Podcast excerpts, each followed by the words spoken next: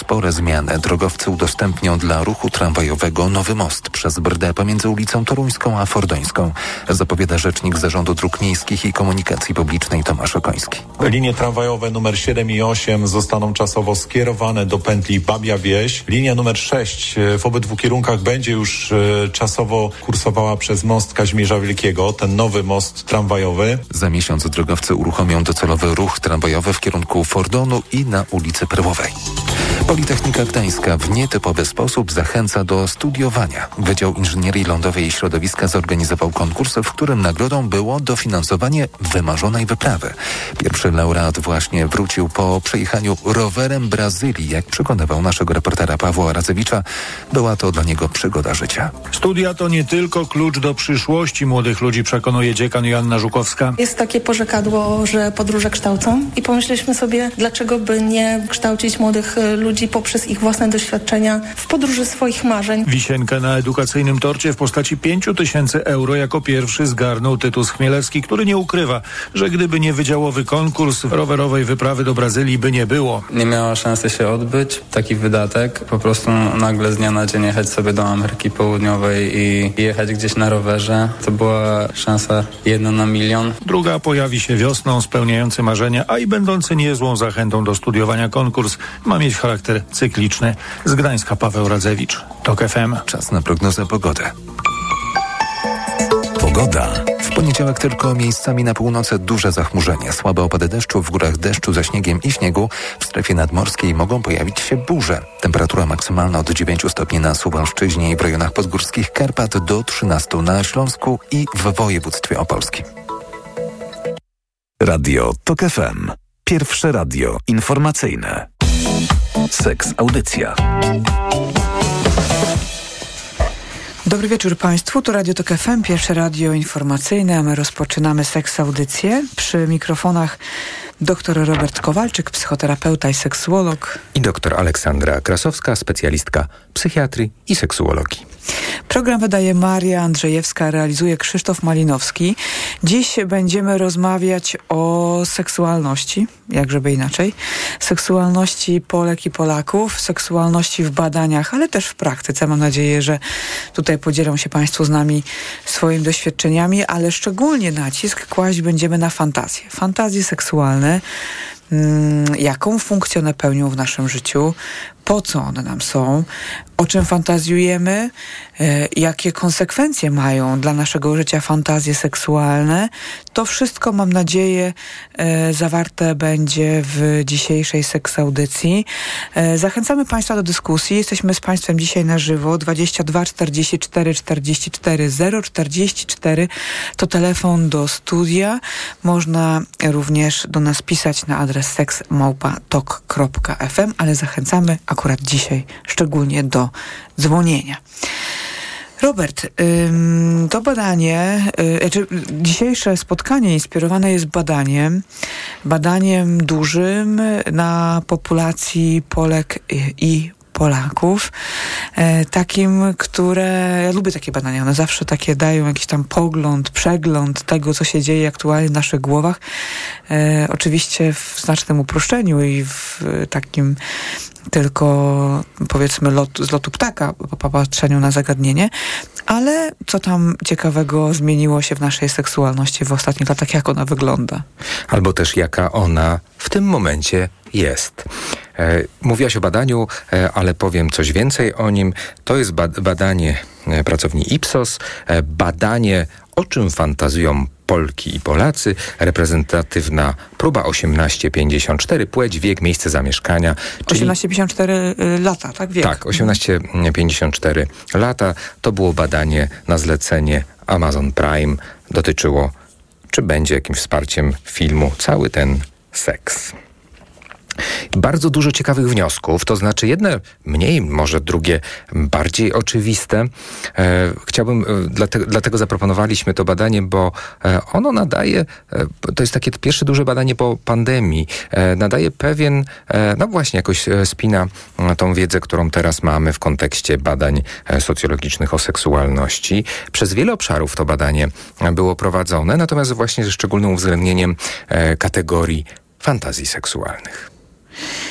No dobrze, ale to, bo myślę, że no z jednej strony to badanie oczywiście ono jest jakoś tam interesujące, ale też y, ja bym chciała, żebyśmy patrzyli jednak na to w kontekście naszej takiej codziennej praktyki, doświadczenia e, klinicznego. E, też te badania, one, ja tam zaczęłam oczywiście trochę z taką e, może odrobiną przekąsu, bo jednak lubisz takie badania o seksualności?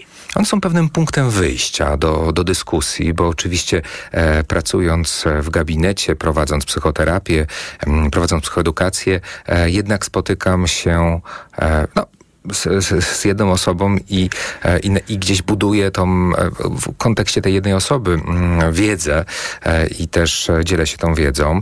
Natomiast to pozwala mi spojrzeć trochę szerszej perspektywy. Te badania socjologiczne, one potrafią wyłapać e, takie generalne wnioski, e, które E, na przykład są nieraz argumentem w tej dyskusji, jako pewna norma statystyczna. Oczywiście bardzo ostrożnie je traktuję, bo to są też pewne deklaracje i wielokrotnie w naszej audycji rozmawialiśmy, że no, deklaracje to jest jedno, bo deklaracje idą z takiego wyobrażeniowego często mm, e, kawałka, natomiast rzeczywistość pokazuje nam e, jednak taka gabinetowa, że to jest o wiele bardziej złożone, o wiele, o wiele szerzej trzeba na to patrzeć. Jeżeli chodzi o badania, ja najbardziej lubię kazuistykę kazuistyka.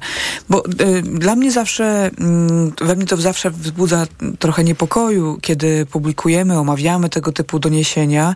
Y, dlatego też y, chciałam od tego zacząć tą naszą dzisiejszą rozmowę, że żebyśmy też nie traktowali tych badań jako taką wyrocznię na zasadzie, jak powinno być, jakiś, jakiś model y, społecznego y, podejścia do seksualności, bo jednak to, co najpiękniejsze w seksualności, to, co najpiękniejsze w seksuologii, to jest jej indywidualność e, i taka unikalność, e, osobnicza wyjątkowość, bo e, w momencie, kiedy zaczynamy ubierać wszystko w cyfry, to, to gdzieś może się pojawiać dyskomfort, takie poczucie odmienności, takie poczucie, że jakoś większość ma inaczej, większość uważa inaczej.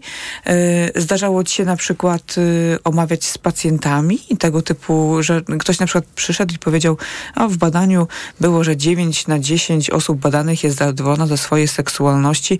Ja tak średnio w związku z powyższym no, przychodzę, no bo, no bo chyba coś ze mną nie tak.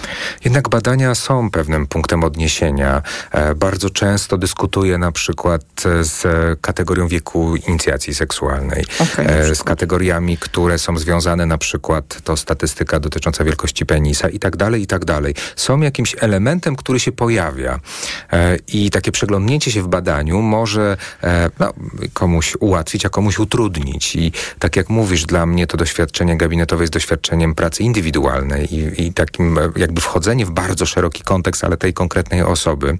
E, o wiele więcej tam jest e, niuansów, natomiast e, badania czasem potrafią uspokoić, czasem oczywiście ten spokój e, zburzyć. Natomiast one nadają pewne, pewien rodzaj m, też myślenia generalnego o tym, e, jaka jest kondycja, jeżeli chodzi na przykład o wiedzę z zakresu seksualności, co jest doskonałą podpowiedzią dla e, obszaru, jakim jest edukacja seksualna. Nieistniejąca Bo, edukacja. No, właśnie, czy taka wysypkowa. Przynajmniej bardziej. w obszarze szkolnym. Tak. Czy Wiesz co, bo jakby powiem może o takim, takim bardzo wy, wy, wybranym, określonym wątku z tych badań, który no, dalej pokazuje, że jeszcze y, mnóstwo pracy przed nami. Ogromny wstyd e, w dyskusji o seksualności, który też wyszedł w tym badaniu i deklaratywny, że to jest jednak y, taki kawałek, którym wstydzę się rozmawiać i to wstydzę się rozmawiać też z osobą najbliższą, e, co, co wydaje mi się dzisiaj będziemy też eksplorować, skąd się to bierze. Jak ogólnie jesteśmy zadowoleni, jak wygląda nasza seksualność w takim właśnie badaniu, gdzie ktoś nas pyta, robi ankietę, jak wyglądają takie wyniki?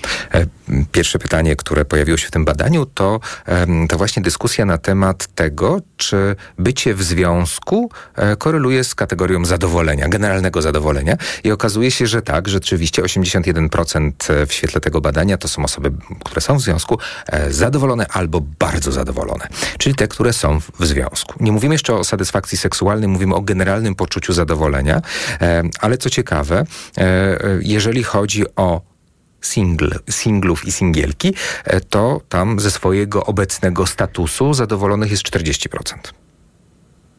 Okej.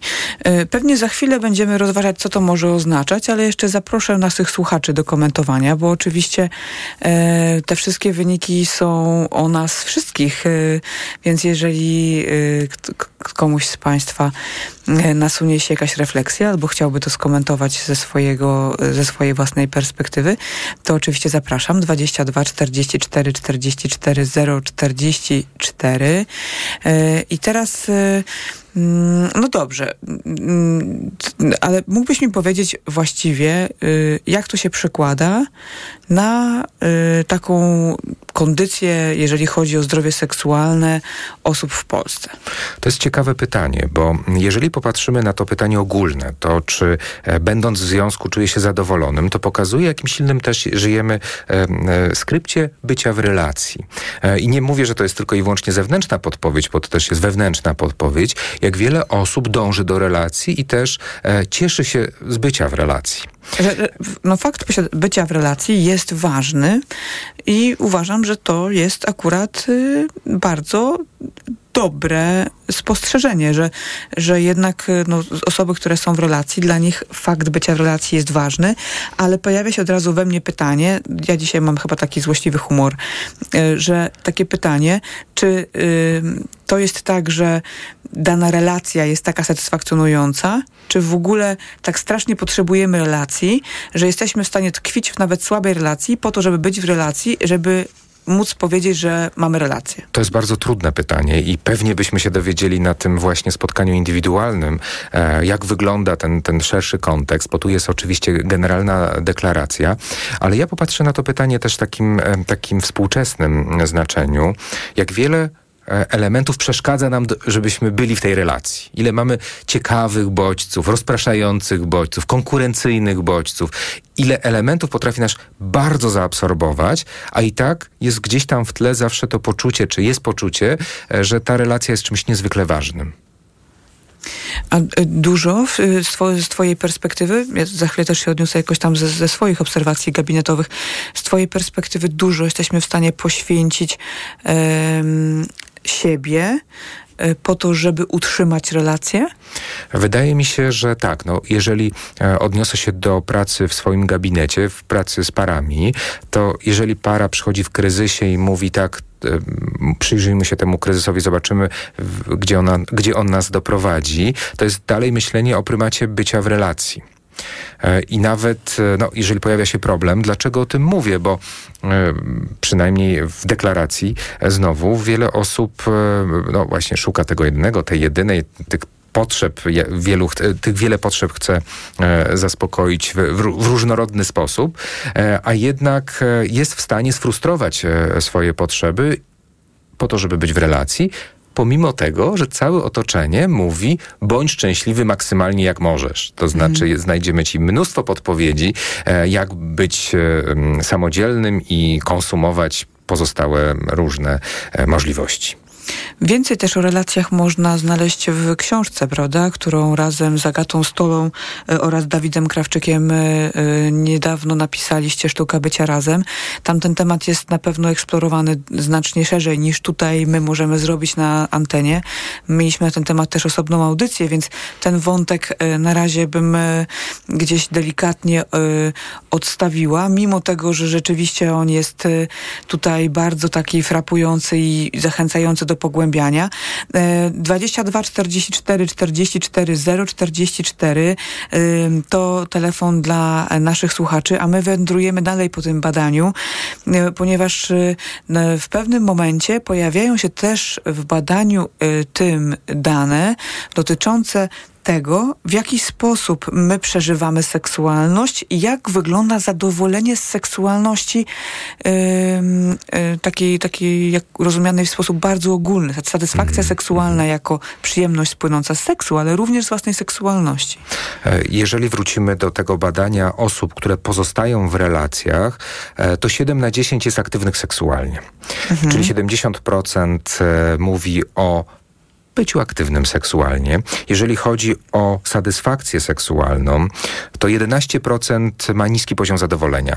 Czyli można powiedzieć, że wszystko, co ponad niski poziom zadowolenia, e, to pozostała, e, pozostała część, a bardzo zadowolonych jest 40, e, 40% osób będących w relacji. Okej, okay, teraz przełóżmy to na, na rzeczywistość, żeby też nie, nie, nie błądzić tego wokół takich suchych faktów, ale 7 na 10 osób, jeśli dobrze zrozumiałam, jest aktywnych seksualnie. To są osoby w związku, które w tym związku uprawiają seks. Tak, dokładnie. Okej, okay, to też y, pokazuje bardzo moim zdaniem ciekawy aspekt relacji, w których tego seksu nie ma albo jest go niewiele z różnych powodów.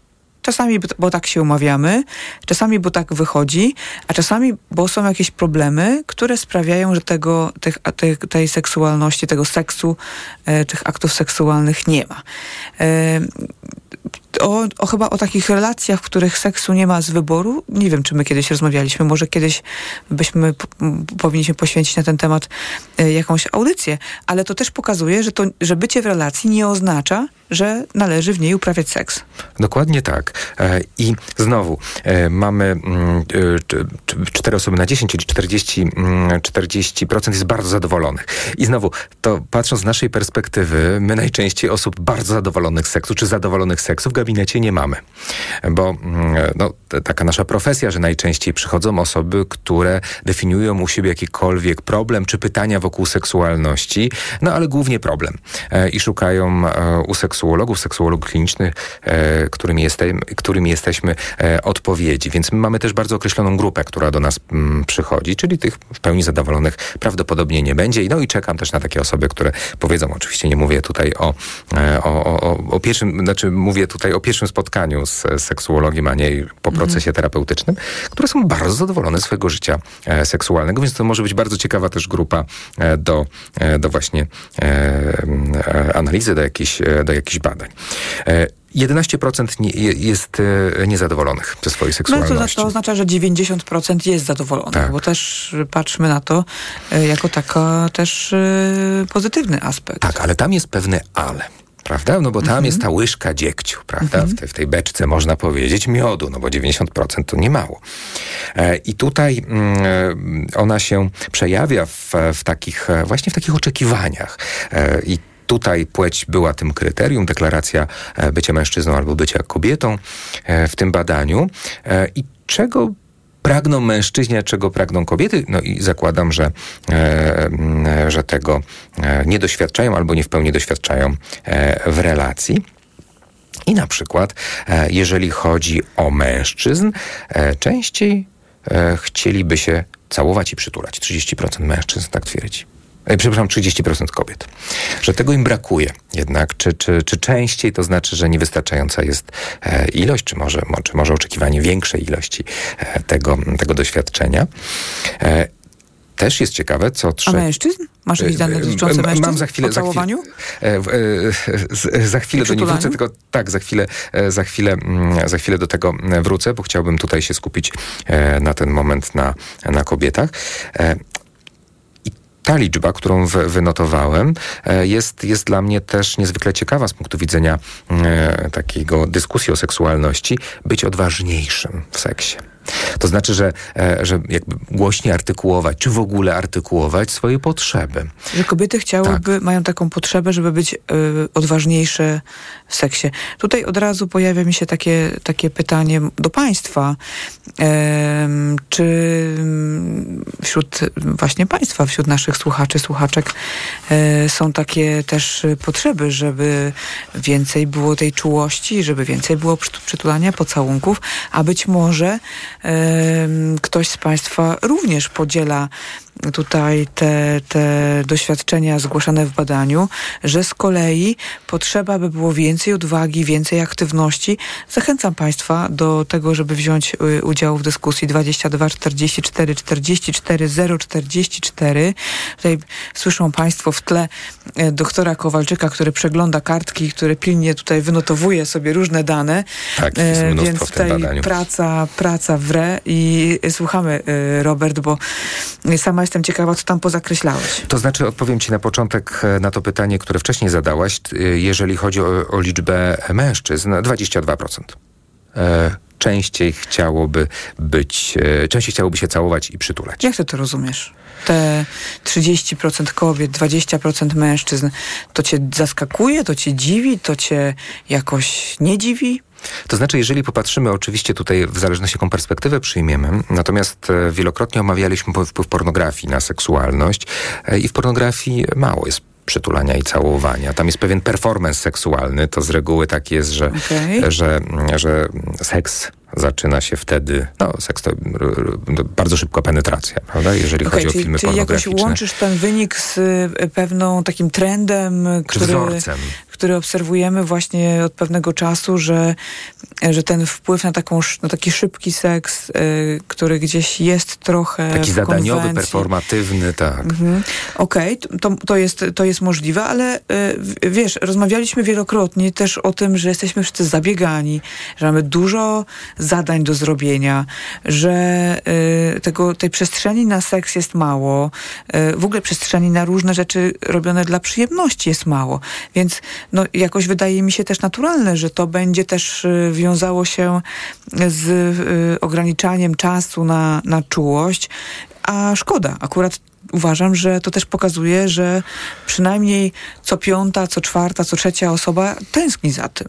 Tak, i to też traktowanie tej czułości, czyli tego całowania i przytulania jako pewna jakość, a nie tylko preludium e, do kontaktu na przykład genitalno-genitalnego. Czyli mm, e, pytanie o to obecność tej bliskości, intymności w relacji. E, odniosę się do przykładów ze swojego gabinetu jest taki kawałek e, osób, który, który występuje jakiś rodzaj problemu wokół seksualności, że obawiają się włączyć tą czułość, bo automatycznie za tą czułością jest e, rozpoczęcie kontaktu seksualnego, czyli traktowanie tej czułości jako gry wstępnej, więc żeby się nie spotkać z tym problemem, wycofują wszystkie działania, żeby w ogóle o tej seksualności nie było, e, e żeby żaden cień tej seksualności w tej relacji nie był. Czyli myślisz, że tutaj mogą się pod tym kryć też takie y, osoby, które chciałyby tej czułości, bliskości, całowania, przytulania, ale niekoniecznie seksu. I chciałyby się na tym skończyć. Y, chciałyby na tym swoje doświadczenie zakończyć, a nie właśnie jako pewien początek czy wstęp do, e, do czegoś i z obawy przed tym, że ten seks będzie, a na przykład nie mają na niego ochoty, mówię o seksie genitalno-genitalnym, to właśnie nie podejmują tego działania. E, I rzeczywiście, no, tak jak mówię, mówię o próbie, próbie gabinetowej, więc ona też jest, jak zaznaczyliśmy na początku, e, szczególna, ale też takie, takie przekonanie e, ma miejsce. Przerwę ci w tym momencie, bo od razu pojawia mi się też taka, taka, takie, taka, taka refleksja, e, że dużo rozmawiamy ostatnio o czułości, o bliskości. I mam wrażenie, że to jest temat, to jest niewyczerpywalny wręcz, że wiele z nas, wiele osób e, tęskni za tą czułością, tęskni za bliskością. E, potrzebuje tego, a trudno jest nam o tym powiedzieć, trudno jest o to poprosić. No fajnie, że chociaż przyznajemy to w badaniach, e, ale szkoda, że mało czasu poświęcamy też na rozmowę na ten temat. O tym też za chwilę będziemy rozmawiać. Ale czy Państwo e, rozmawiają o tej potrzebie czułości, rozmawiają o potrzebie całowania? O na zasadzie no nawet nie wiem, choć pocałujmy się trochę. No, wiem, że brzmi to trochę tak wręcz może banalnie, ale czasami taka, taka prosta rzecz jak przytulanie czy pocałunki potrafią naprawdę dać nam dużo ciepła i dużo bliskości, e, wcale niekoniecznie prowadząc później do aktu seksualnego. 22 44 44 044 to dla Państwa numer telefonu. Kolejny ciekawy wniosek w tych badaniach, bo teraz odniosę się do mężczyzn, powiedziałem o tym jednym wskaźniku, to generalnie e, no, gotowość, żeby ten seks był, e, czy chęć, żeby ten seks był częściej, to jedna trzecia mężczyzn e, właśnie ankietowanych wskazała, ale Kolejny wynik, wydaje mi się też równie ciekawy, to jest odpowiedź na pytanie właśnie, chciałbym, chciałabym, żeby partner, partnerka przejawiała więcej inicjatywy w seksie. To jest ciekawy wątek. Dlaczego o tym mówię? Bo znowu trochę podeprę, podeprę się mm, tą dyskusją e, gabinetową, że mm, jest taki stereotyp w wychowaniu, czy mit wokół seksualności, obsadzający określone płcie w rolach. Chyba twoje, chyba, chyba coś ci się włączyło. Nie, nie. Okej, okay, przepraszamy bardzo. Tutaj nasze telefony postanowiły wziąć udział w dyskusji. E, 22 44 44 044. Już tak bardzo tutaj potrzebujemy Państwa głosu na antenie, że nawet y, y, tutaj chyba Siri zareagowała na tę prośbę. Dobrze, ale wracając do, wracając do, do tego pytania. Wiele mężczyzn ujawnia w gabinecie taką fantazję, żeby część kontroli nad seksualnością przejęła e, partnerka. Mhm. E, bo znowu w roli e, jest tak, że no, jak powiedziałem w, w, określonych stereotypach, że ten element inicjowania tego seksu, czy jakby główna, głównym motyw, motywator to jest mężczyzna tego seksu, a tutaj okazuje się, że nie, że właśnie niemała grupa mężczyzn fantazuje o tym, czy ma takie oczekiwanie, że to ich partnerki przejmą inicjatywę. Wydaje mi się to też niezwykle, niezwy, niezwykle ciekawe mm, spostrzeżenie, bo ono jest, tak jak powiedziałem, takie kontintuicyjne, jeżeli chodzi o ten e, stereotyp e, wokół, mm, wokół zachowań seksualnych, czy aktywności, pasywności w tych e, zachowaniach seksualnych. I też też jakby to jest też ciekawe. Wielu mężczyzn mówi, że chciałoby więcej od swoich partnerek usłyszeć, e, co sprawia im przyjemność w seksie. Mhm. Czyli znowu odwołujemy się do tego kawałka komunikacyjnego. Do komunikacji, ale też mam wrażenie takiej aktywności, yy, szeroko rozumianej, nie tylko w zachowaniach, w gestach, ale też tego, żeby jakoś, mm, rozumiem, ja czytam w tym potrzebę mhm. inicjatywy, yy, takiego bycia zaangażowanym w tę seksualność, która dzieje się, która dzieje się w związku związku i w relacji, e, a nie e, takie, e, taką jednostronność może, albo właśnie może taką nadzieję, że jeżeli druga strona będzie bardziej aktywna, to też na mnie to wpłynie w jakiś sposób. Tak to czytam, bo ja też lubię, analizując te badania, no nie, nie czytać, prawda, dosłownie, tylko gdzieś jakoś szukać przełożenia na, na taką aktywność codzienną, na życie. I tak bym to, to widziała. Nie wiem, jak ty się zgadzasz ze mną. Wiesz co, bardzo się z tobą zgadzam, ale to, co właśnie ty mówisz, pokazuje, że ta trudność e, w komunikacji e, wzrasta, przynajmniej w perspektywie tych badań, e, w momencie, kiedy związek się zacieśnia. Powiem o jednym takim wskaźniku z tego badania. Osoby pozostające w związkach małżeńskich nieco rzadziej właśnie podejmowały rozmowy na temat swoich potrzeb seksualnych, niż to było u singli, singielek, czy osób, które, nazwijmy to, rozpoczynają przygodę ze związkiem. Czyli na początku jest ta gotowość. Można powiedzieć, że te, te, ten element poznawania się jest takim elementem, w którym też komunikujemy się o potrzebach seksualnych. Natomiast czym dalej w ten związek, tym mniej tej komunikacji. Czyli znowu, może z tej obawy, że jak się pojawi jakaś, jakaś, jakaś, jakaś potrzeba, to trzeba będzie ją zrealizować, albo wybrzmić coś, czego nie ma w naszej relacji, co może zakłócić związek, więc najlepiej o tym, no, pomijać temat, prawda? Czy odsuwać, odsuwać ten wątek fantazje seksualne. Myślę, że to jest dobry moment, żeby wkroczyć z głównym też takim bohaterem tego dzisiejszego, e, tej dzisiejszej rozmowy, bo o fantazjach seksualnych my, no też można by było myśleć sobie, przecież tyle już było tej fan, o tych fantazjach seksualnych, te programy i tak dalej, a dzisiaj tak naprawdę e, w analizie tych badań pojawiło się coś niezwykle ciekawego, czyli, że my fantazjujemy, ale tutaj zwrócono uwagę też na to, w jaki sposób czujemy się w związku z przeżywanymi fantazjami.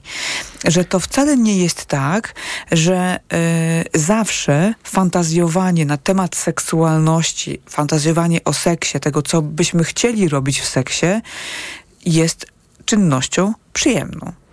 E, ciekawy wynik, bo mm, tutaj 90% mm, e, osób mówi, że są czymś naturalnym, normalnym, czyli można powiedzieć, co dziesiąta osoba tak nie myśli.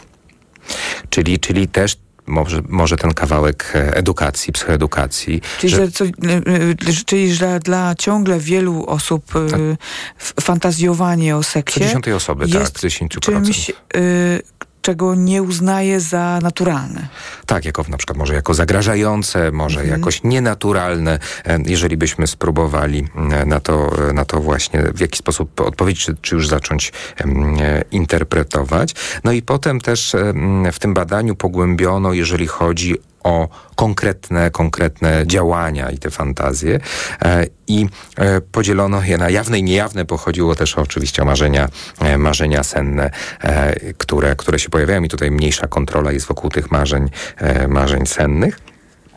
No i też konkretne, bardzo konkretne działania. I i znowu patrząc z perspektywy akurat tu płci, podzielono, podzielono to na najczęstsze fantazje, to znaczy najbardziej typowe dla, dla danej grupy i tutaj ten podział e, na płeć e, zastosowano. I to się okazuje, oczywiście powiem o generalnych wynikach, a później wejdziemy w bardziej szczegółowe. Kobiety relatywnie częściej odwołują się w swoich fantazjach do gadżetów i miejsc. Mm, okay. Natomiast mężczyźni częściej wymieniają w swoich fantazjach, czy opisują w swoich fantazjach fetysze. Okej, okay. to jakoś to cię jakoś y, skłania do refleksji? Potwierdza to moją intuicję mhm. i też moje doświadczenie w pracy gabinetowej. Rzeczywiście, rzeczywiście tak, e, tak jest. No dobra, to, a co tam jeszcze ciekawego masz w tych badaniach? E, I teraz tak, no właśnie 30% seks z użyciem gadżetów. E, no, już popatrzymy na bardziej konkretne fantazje, na przykład seks w miejscach publicznych. 21% wskazuje to jako taką fantazję, którą... Okej, okay, czyli fetysze, seks w miejscach publicznych. Mhm seks z kimś zupełnie nieznanym. Mhm. 25%. Ja bym chciał się tutaj zatrzymać, bo to jest fantazja. Popatrz, rozmawialiśmy wielokrotnie w naszych e, audycjach e, o komunikacji względem e, seksualności, swoich potrzeb seksualnych i jak porozmawiać o swojej fantazji, bo zakładamy, że komunikacja jest tu bardzo, bardzo ważnym elementem, jeżeli te fantazje odnoszą się na przykład do kogoś spoza relacji prawda? Mhm. Bo tu jest fantazja e, z kimś zupełnie nieznajomym. E, I z jednej strony przeżywamy tą fantazję, ona może być dla nas przyjemna, rozbudzająca, ale z drugiej strony, jak ją zakomunikować, czy w ogóle ją zakomunikować osobie, z którą jesteśmy w relacji. I nie wiem, jakie Państwo mają na ten temat e, zdanie. Czy uważają Państwo, że dzielenie się fantazjami jest, e, jakimi fantazjami jest, e, jest e, czy, czy w ogóle można podzielić te fantazje na jakieś, na jakieś mm, grupy, którymi się dzielimy, a których się nie dzielimy, bo wydaje się, że no właśnie taka fantazja dotycząca seksu z osobą nieznajomą może w jakiś sposób wpłynąć na relacje. To skoro zadałeś pytanie, to ja przypomnę numer telefonu 22 44 44 044. Zachęcamy do, do wzięcia udziału w dyskusji, ale e, jak e, tak sobie zaczęłam analizować te rzeczy, o których mówisz, że statystycznie często fantazjujemy, to wydaje mi się, że są to takie zachowania, które gdzieś wykraczają poza standardowe zachowania seksualne. Ja wiem, że pojęcie standardowe, norma, to jest bardzo y, grząski teren i, i szerokie pojęcie, ale może to oznacza, że my jesteśmy zbyt restrykcyjni dla naszych seksualności, skoro właściwie, właściwie świat y, takich y, f, ciekawych y, przeżyć typu fetysze, y, czy no dobra, seks w miejscach publicznych to, to oczywiście kontrowersyjne, prawny, tak, tak. kontrowersyjne y, zachowanie, ale przecież, ale, czy to może oznaczać, że my jesteśmy dosyć mocno restrykcyjni dla naszej seksualności, że tego typu zachowania przenosimy w świat fantazji? To jest ciekawe pytanie, bo e, z jednej strony rzeczywiście tak, możemy fantazjować o czymś, czego, e, czego nie doświadczamy, albo z drugiej strony, że czegoś może za mało doświadczamy, bo e, tu też oczywiście w tym badaniu są wskazane na przykład fantazje o seksie oralnym i pytanie, na ile osoby go doświadczają, a na ile czują, że go za mało doświadczają mhm. w swojej relacji i co by było, gdyby na przykład zakomunikowały partnerce bądź partnerowi, że mają właśnie na tą daną praktykę ochotę. Albo mogą fantazjować o tym, bo to bardzo lubią i praktykują właśnie bardzo często i akurat to jest takim e, szczególnie interesującym e, i szczególnie satysfakcjonującym zachowaniem. E, ale od razu no, tego pytania nie może, nie, nie, to pytanie nie może nie paść w dyskusji o fantazjach, bo to, to zazwyczaj budzi dużo niepokoju. Czy jeżeli fantazujemy o czymś, to to oznacza, że chcemy tego doświadczyć? To też zależy, bo są takie fantazje, których, e, które no, dosłownie e, e, trudno by było wprowadzić w życie, albo byłyby przekroczeniem pewnej normy.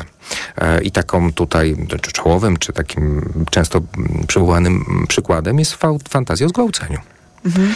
Czyli mm, znowu pojawia się taka fantazja i też e, znowu mówimy o fantazjach, pewnej podpowiedzi, a nie odpowiedzi.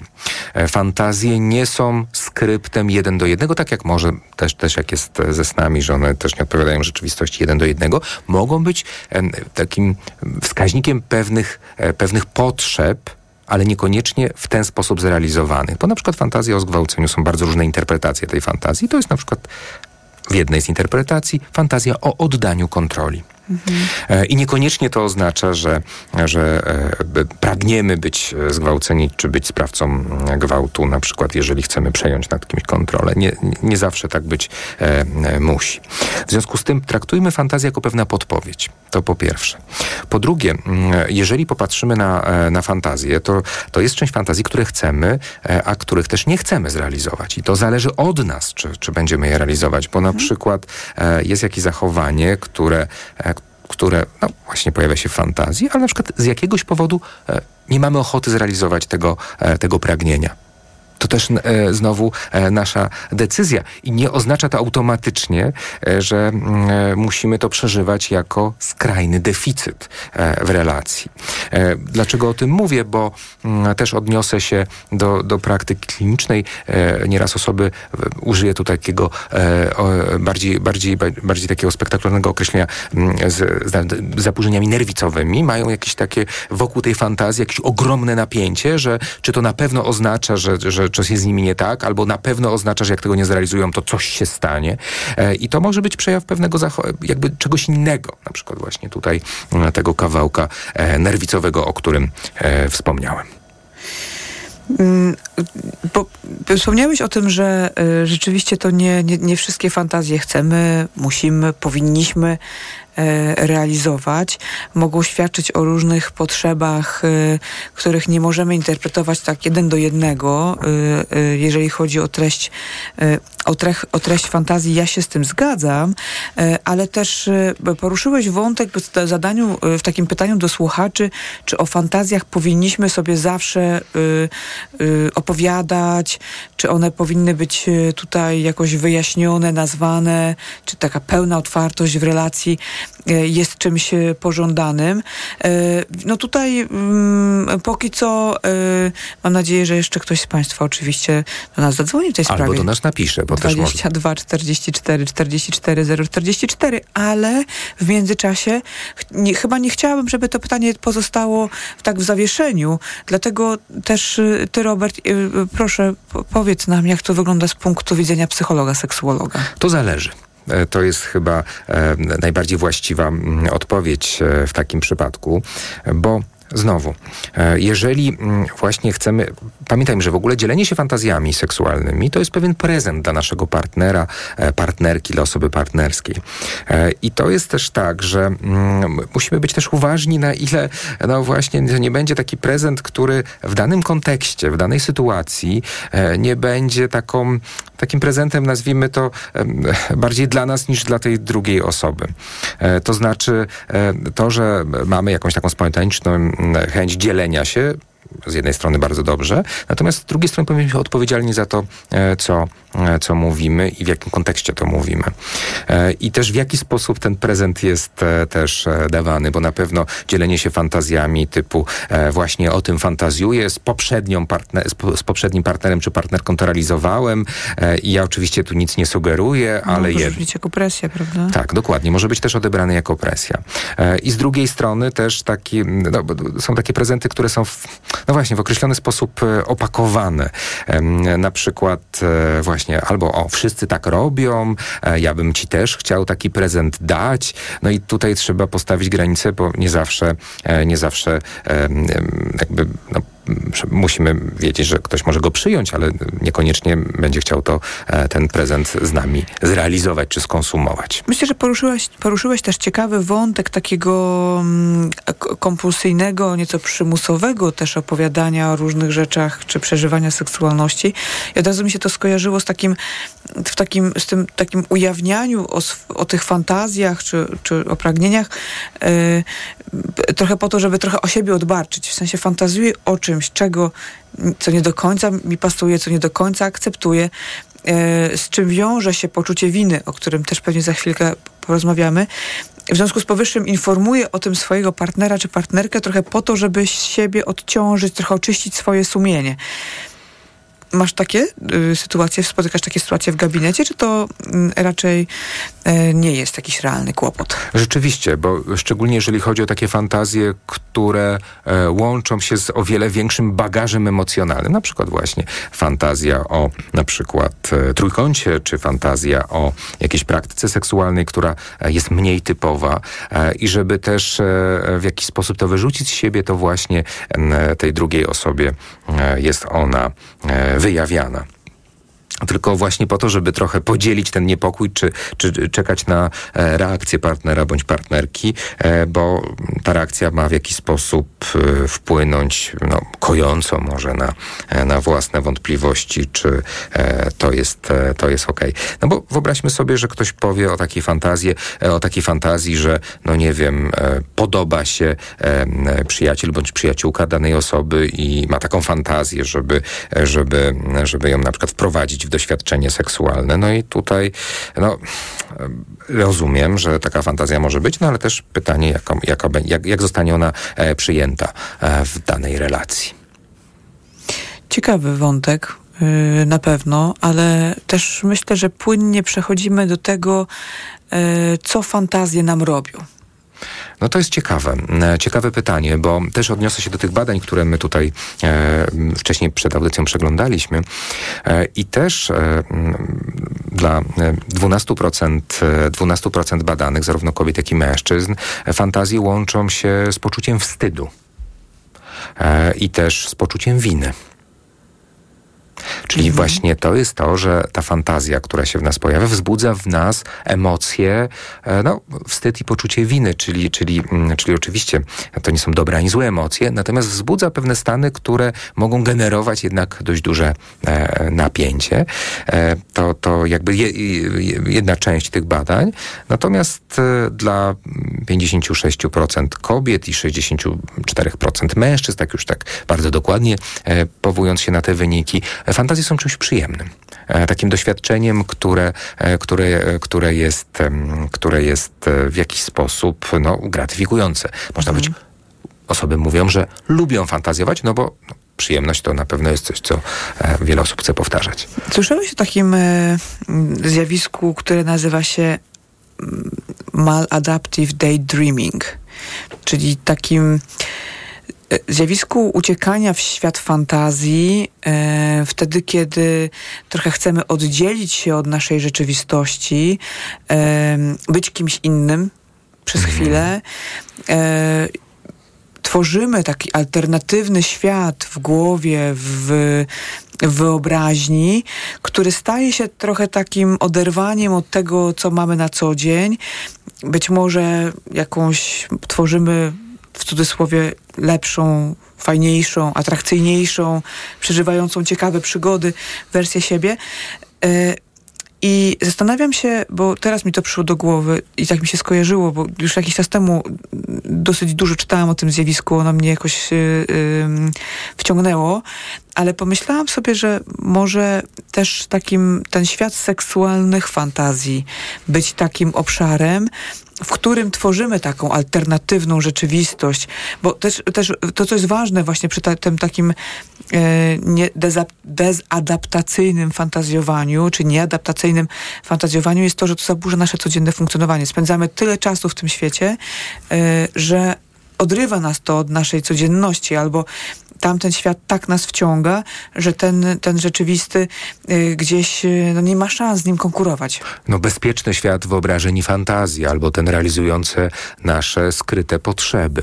E, I to budowanie tego alternatywnego świata, rozumiem, że w tym kontekście w jakiś sposób e, zaburza e, spełnienie w świecie realnym. E, I, mm, I tutaj znowu możemy, mm, pewnie jest bardzo dużo różnych odmian tego, czy też te fantazje są w jakiś sposób wizualizowane, na przykład w pornografii i poszukiwanie e, bardzo określonej, różnorodnej pornografii, e, czy też na przykład w grach komputerowych, gdzie można zbudować to alternatywne życie, gdzie się jest superbohaterem i z całym tego, z, z wszystkimi tymi przywilejami superbohatera, bo w realnym życiu sobie osoba e, w jakiś sposób nie radzi albo nie jest w stanie e, dać sobie właśnie takiej gratyfikacji, która z tego superbohaterstwa płynie. Taki świat alternatywnej seksualności mi się wydaje czymś e, pociągającym dla osób, które, mm, które gdzieś muszą żyć w jakimś niezaspokojeniu albo w jakimś niespełnieniu z różnych powodów. E, Ja mm, w takim swoim gabinetowym e, e, życiu, e, w praktyce klinicznej, w pracy z pacjentami, rzeczywiście widzę takie zjawisko e, takiego tworzenia siebie w sposób bardzo mm, taki odważny w fantazjach, podczas gdy życie seksualne e, w tym świecie realnym no gdzieś e, jest znacząco odbiegające. Czyli to nie jest tak, że bierzemy w tej fantazji swoje życie seksualne i, dobudujemy jakieś różne elementy, tylko że w ogóle tworzymy taką alternatywną wersję siebie. Że tak jakby rozmijają się te dwa światy i, i czasami też, y, znaczy to też wiąże się z tym zjawiskiem, z tym kłopotem taki kompulsyjny charakter, czyli że to gdzieś staje się takim miejscem ucieczkowym, e, do którego trafiamy. To się też wiąże z pornografią, ale może wiązać się też z masturbacją, e, gdzie tworzymy taki świat alternatywnej seksualności. Jak najbardziej i też pytanie, bo znowu to nie o to chodzi, że, że tworzenie światów e, i też zapraszanie ludzi do tych światów jest czymś, co powinno nas niepokoić, tylko chodzi o skalę. E, dokładnie. I, I takie zupełne jakby poświęcenie się temu, ucieczka od tego realnego e, życia na, na poczet tej fantazji, e, no jest dla nas pewnym wskaźnikiem niepokojącym. To jak y, zróżnicować, kiedy mamy do czynienia z takim fajnym, zd- zdrowym, nazwijmy to mm, umownie, fantazjowaniem o seksie, seksualności, a kiedy te fantazje stają się takim, taką furtką ucieczki od y, różnych trudności codzienności? Kiedy, kiedy te elementy tych fantazji wprowadzamy do życia realnego. E, I, i Mhm. W sensie? Kiedy, w sensie na przykład, jeżeli fantazjujemy o jakiejś aktywno, w ogóle aktywności seksualnej, no to czy ją mamy przede wszystkim, prawda? No bo to teraz wyobrażam sobie taką Mhm. sytuację, że osoba e, e, w jakimś sensie jest w relacji, gdzie może o, o, gotowość osoby partnerskiej do, do działania seksualnego jest, a osoba jest w stanie to zaniechać na rzecz fantazji, autostymulacji na przykład przy tej fantazji, a pomija relacje, no to to już by było e, taki ewidentny wskaźnik, że no, te fantazje z jakiegoś powodu za, jakby zabierają tą relację realną, prawda? I tu by było e, czymś e, niezwykle, e, niezwykle, no, znaczy wskaźnikowym, prawda? Jeżeli zobaczymy, że to, że pomimo dostępności e, nagle, nagle wybieramy zupełnie coś innego i zupełnie zaniedbujemy te, to, co się dzieje, e, to, co się dzieje mm, w tej, e, w tej e, relacji. O czym fantazjujemy najczęściej według tych badań? Masz tam takie dane? E, To znaczy, no właśnie, te bardziej są, mnie ciekawią, bo tu są też takie przykłady, bo to, to badanie było też ilościowe, ale też było jakościowe e, i tutaj, mm, e, no, a może niech każdy sobie odpowie, o czym najczęściej fantazjuje, żebyśmy już tutaj za dużo nie zalali tymi, e, tymi, tymi, tymi, tymi statystykami. Natomiast e, tu, tu mam kilka takich cytatów, które, mm, które wydają mi się dość no, Wybierz jeden. Jak całuje się z młodym Leonardo DiCaprio. No nie wiem, akurat, akurat. Nie wiem, dlaczego akurat ten wybrałeś. Nie wiem, bo był może jak, najlepiej- ca- Fantazja, jak całuje się z młodym Leonardo DiCaprio, tak? Tak, tak. tak. Albo Okej. tam sceny z 50 twarzy Greya e, w biurze w trakcie przerwy, e, prawda? Tutaj znowu jakieś fantazja dotyczące mój partner z, e, zawiązał mi wstąż, e, wstążką oczy, e, przywiązał ręce do łóżka, no takie bliżej BDSM-owych fantazji e, no, i tak dalej, i tak dalej. No nie, bo jakieś i tak dalej. To, no.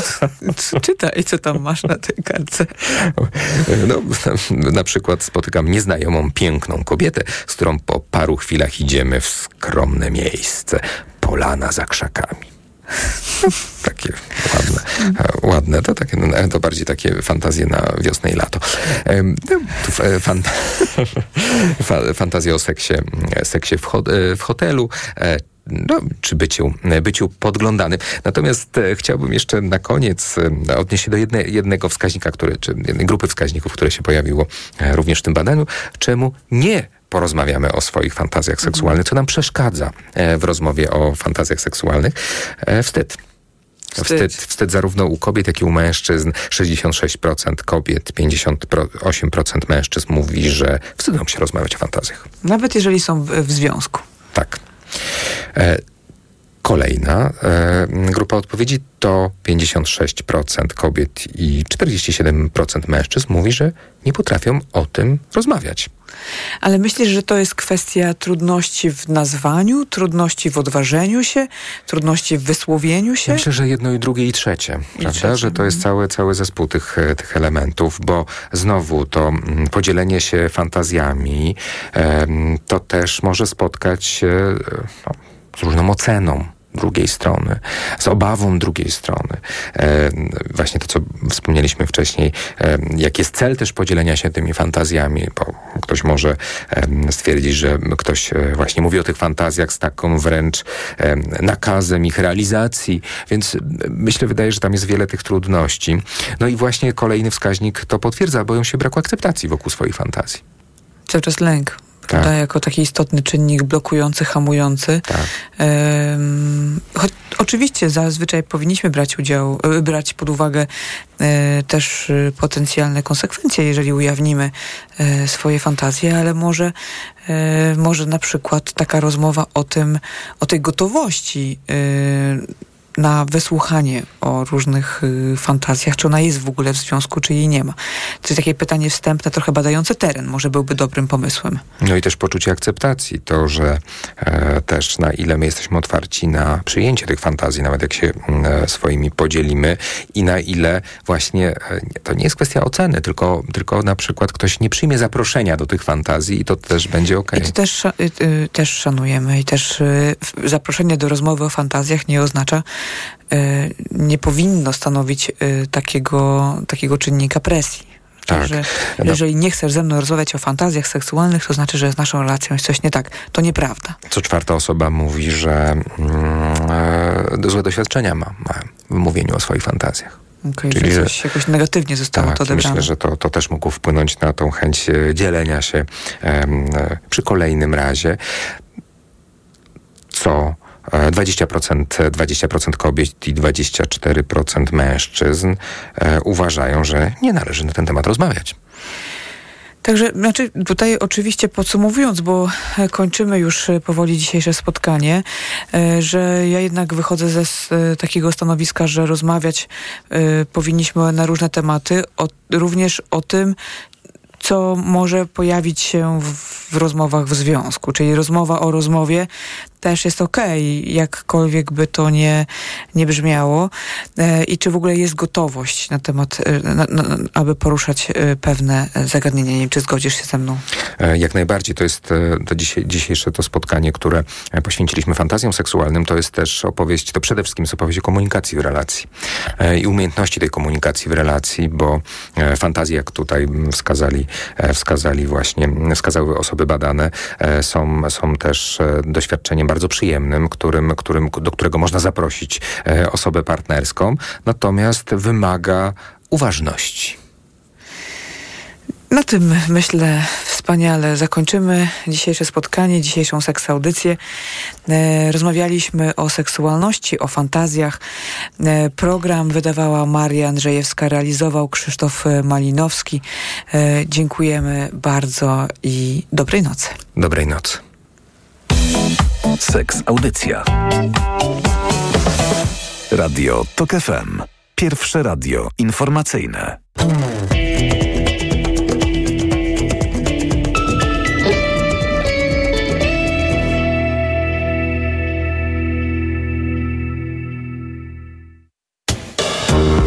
Ośmiu latach kończy się pisowska noc. Czwarte zwycięstwo w dziełach naszej partii.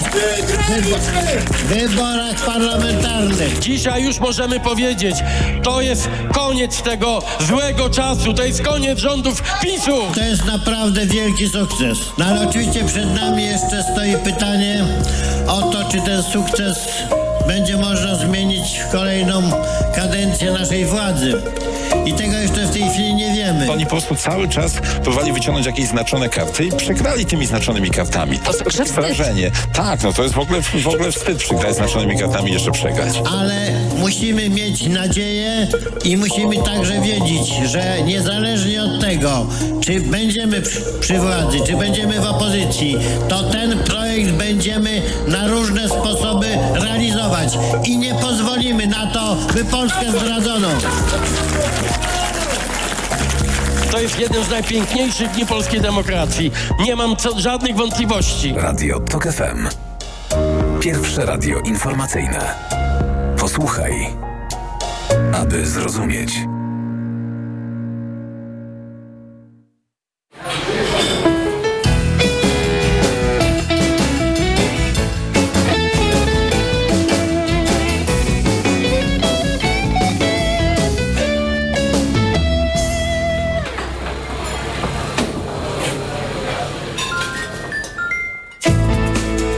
Europäische Gerichtshof. Gospodarski rast w euro. Az Európai Uniós támogatásoknak a kifizetésé. Tłumaczymy Europę. W każdy poniedziałek po 14.40. Parlement européen. Europa en Europe. Magazyn europejski. Zaprasza Maciej Zakrocki.